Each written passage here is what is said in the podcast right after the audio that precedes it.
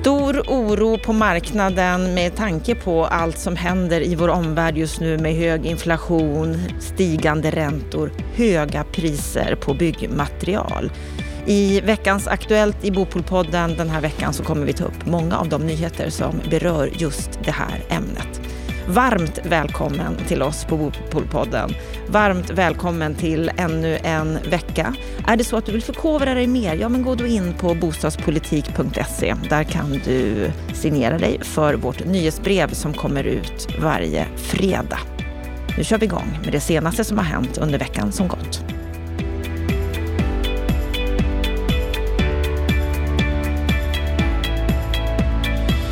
Byggföretagen, ja, de har i en ny undersökning berättat att nybyggnationen av flerbostadshus och småhus minskar i år och även nästa år. 2021 så byggstartades 68 100 bostäder och nästa år så förväntas bara 45 100 bostäder att påbörjas. Och anledningarna till den här inbromsningen, ja det är ju flera. Bland annat materialkostnaderna som har ökat med 12,2 procent i april jämfört med förra året. Och samtidigt så har energi och frakt blivit dyrare. Och eh, i artikeln så menar byggföretagen att det är en dubbelsmäll som väntar bostadsbyggandet. Kent Persson, vår expertkommentator här i Bopolpodden. Är det så här illa? Ja, tyvärr är det nog så. För att lägga också där till att vi nu ser ränteläget eh, ändra sig markant. Tidigare så har det varit ganska enkelt att få tag på finansiering. Nu är det tufft och det kostar. Så det ska man också lägga till. Att det här kommer att bli ganska så svårt och vi är på väg in i något som man skulle kunna beskriva som en perfekt storm som kommer att kunna slå skoningslöst emot nyproduktionsmarknaden på bostäder. Jag har i veckan sett nu flera kommunala bostadsbolag som har sagt och gått ut och sagt att man stoppar nu sin nyproduktion. Man drar inte igång nya byggen. Och det tycker jag är en signal som är ganska oroande. Är det många som ger den signalen att de stoppar all nyproduktion? Ja, I den privata sektorn så upplever jag att det är många av, av, våra eh, konkurrerande bolag som har sagt samma sak. Att man bör bli försiktig, man tittar ett varv till på sina projekt, man funderar på om man verkligen ska dra igång. Och som sagt var, här i veckan var det flera kommunala bostadsbolag som var ute och sa att man nu stoppar eh, projekt, avvaktar och väntar in för att det blir för dyrt. Boverket gick ut för några månader sedan och sa att bostadsbyggandet 2022 måste öka jämfört med 2021 och det kommer vi ju inte kunna nå. Nej, det kommer inte att ske och jag tror att vi kommer att få se ett ganska tufft 2023 med få byggstarter. Det där är problematiskt ur flera, flera saker. Det ena är ju att vi inte får fram de bostäder som vi verkligen behöver och framförallt i våra tillväxtorter. Ska de kunna fortsätta växa så behövs det fler bostäder. Det andra är att det finns nu en risk att byggsektorn stannar av snabbt och då kan vi gå ifrån ett läge där vi faktiskt har haft högkonjunktur och hög sysselsättning länge till att få en stor och viktig bransch som tvärnitar och det kommer att påverka sysselsättningen i Sverige.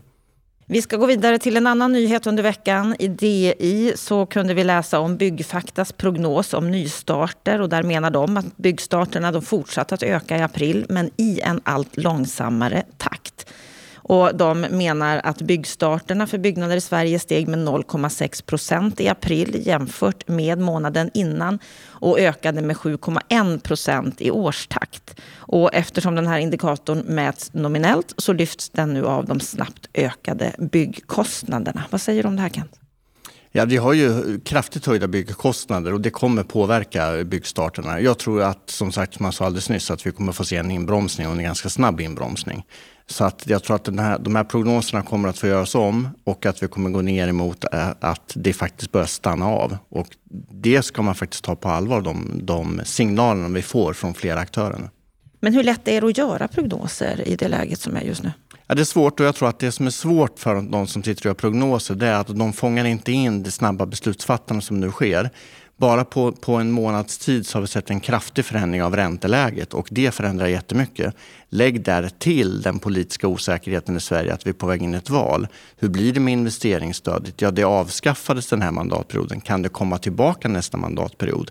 Vilka andra eh, reformer avser politiken att genomföra? Och det gör att just nu så tror jag att, att sektorn är ganska så avvaktande. Och det är inte jag säker på att man får in i prognoserna. Beslutsfattandet sker nu snabbare än vad man hinner med på prognossidan. Så att jag tror att vi är på väg in emot en, en tvärnit. Det kommer ta, risken är att det kommer ta tvärstopp på nyproduktionen.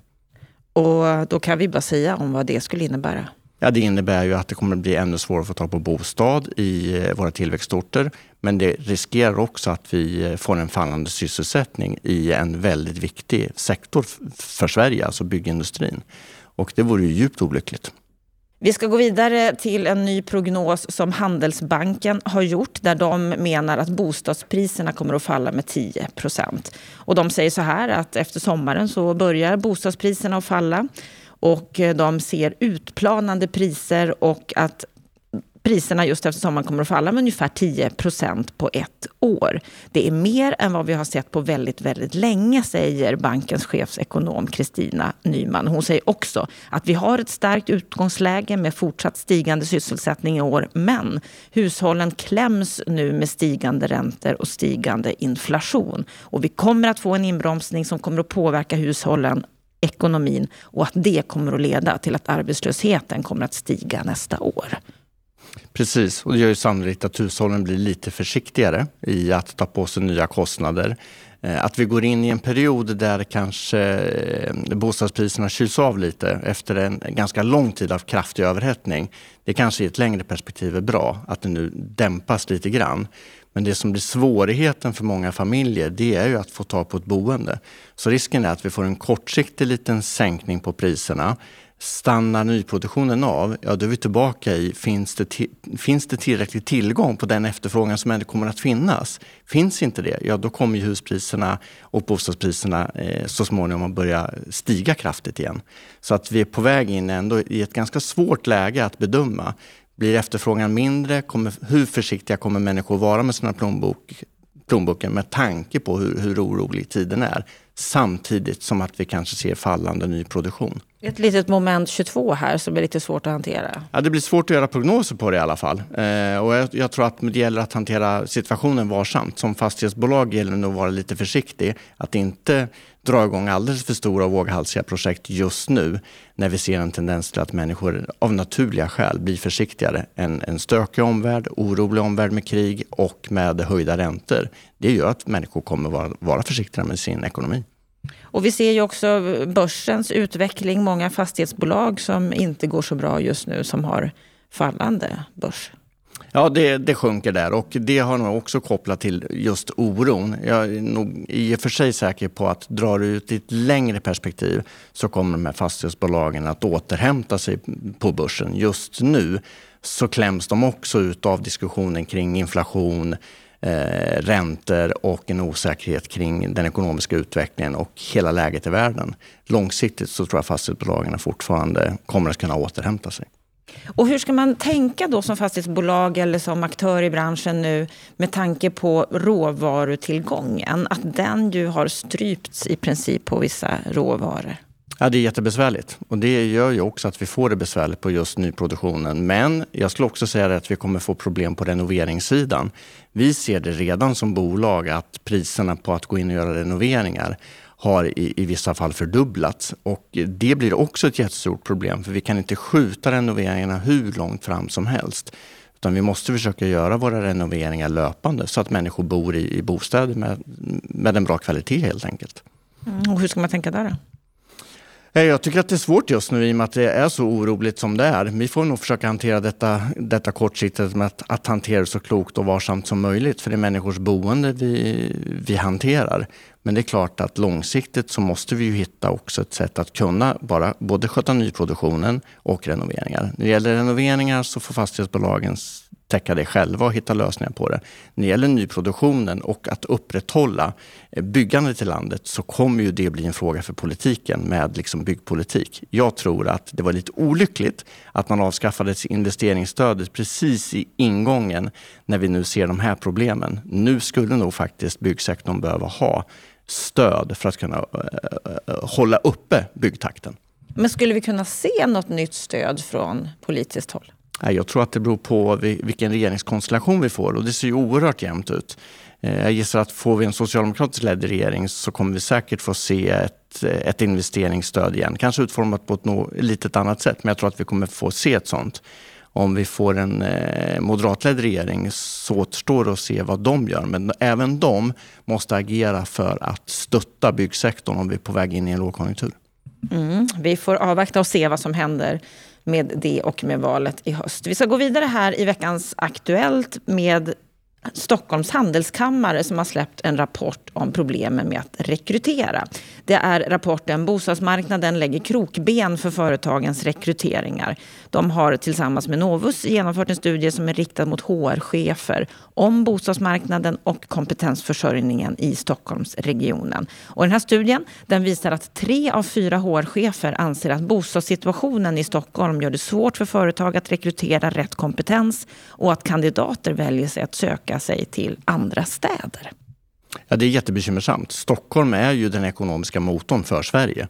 Och funkar inte Stockholm och Stockholmsregionen så kommer vi få ekonomiska problem som, som land helt enkelt. Så det är därför det är så angeläget att, att fortsätta jobba med att hitta lösningar på bostadsfrågan i Stockholm som skiljer sig från övriga landet. Däremot skulle jag säga att vi är på väg att få samma typ av problem fast i mindre skala i våra tillväxtorter. Och därför blir det så allvarligt också om nu bostadsbyggandet avstannar helt. För att då kommer vi få den här typen av proppar i fler städer och det skulle faktiskt dämpa tillväxten. Så att, att lösa bostadsfrågan, det, det, måste göras i Stockholm och i våra tillväxtorter. Det andra man kan säga till detta, det är ju att vi hade en diskussion under pandemin där vi såg en trend att människor flyttade ut från Stockholm till, till landsbygden och även från andra större universitetsorter. Jag tror inte att det, det kommer vara tack i kurvan. Jag är alldeles säker på att vi kommer få se att människor vill flytta till Stockholm och flytta till våra universitetsorter. Av det enkla skälet att det är där eh, jobben finns och också i viss mån såklart utbildningen. Så att jag tror att det är ett hack i kurvan. Det kommer finnas behov av att få fram ännu fler bostäder i framförallt Stockholm men även i de övriga universitetsorterna. Och det här är ju ett, ett område som har, som har flera perspektiv. Alltså att när vi inte har tillräckligt med många bostäder, då kan företag inte anställa. Men sen också har vi en kompetensbrist i bygg och fastighetsbranschen som är oroväckande.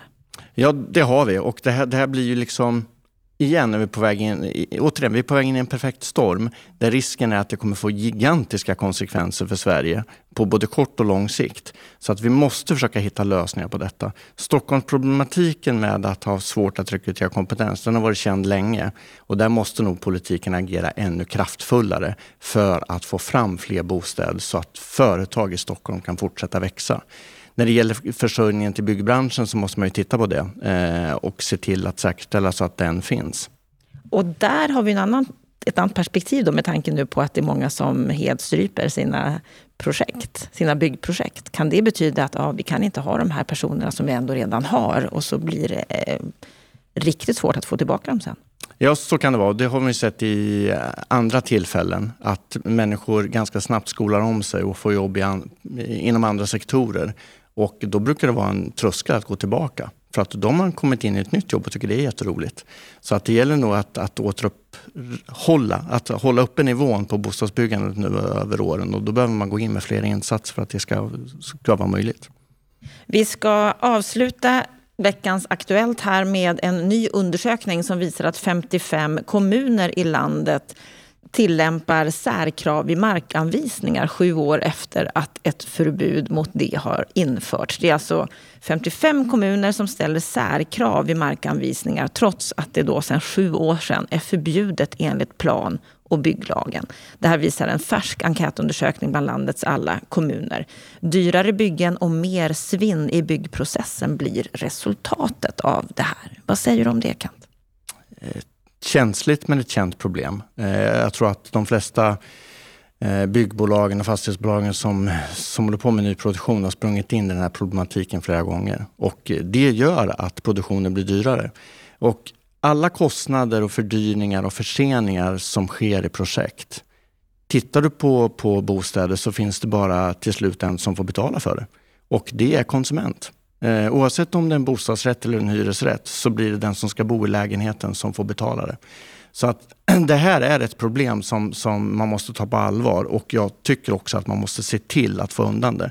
För att får vi inte bort de här kommunala särkraven, dessutom skulle jag säga att det finns nog risk att det är ännu fler kommuner som tillämpar det mjukt men som gör att det inte kommer fram en sån här undersökning. Så länge det här får föregå, då kommer vi inte få fart på det industrialiserade byggandet. Och det är där vi kan hitta faktiskt ekonomi och effektivisering. Kommer det leda till dåliga bostäder? Absolut inte. Kommer det leda till att vi får fula hus? Det tror jag inte ett ögonblick på.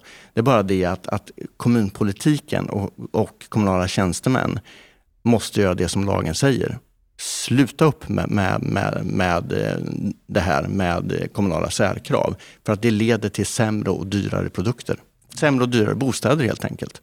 Och det här är lite förvånande kan jag ju tycka, för här har vi ju infört ett förbud och ändå så följs inte det.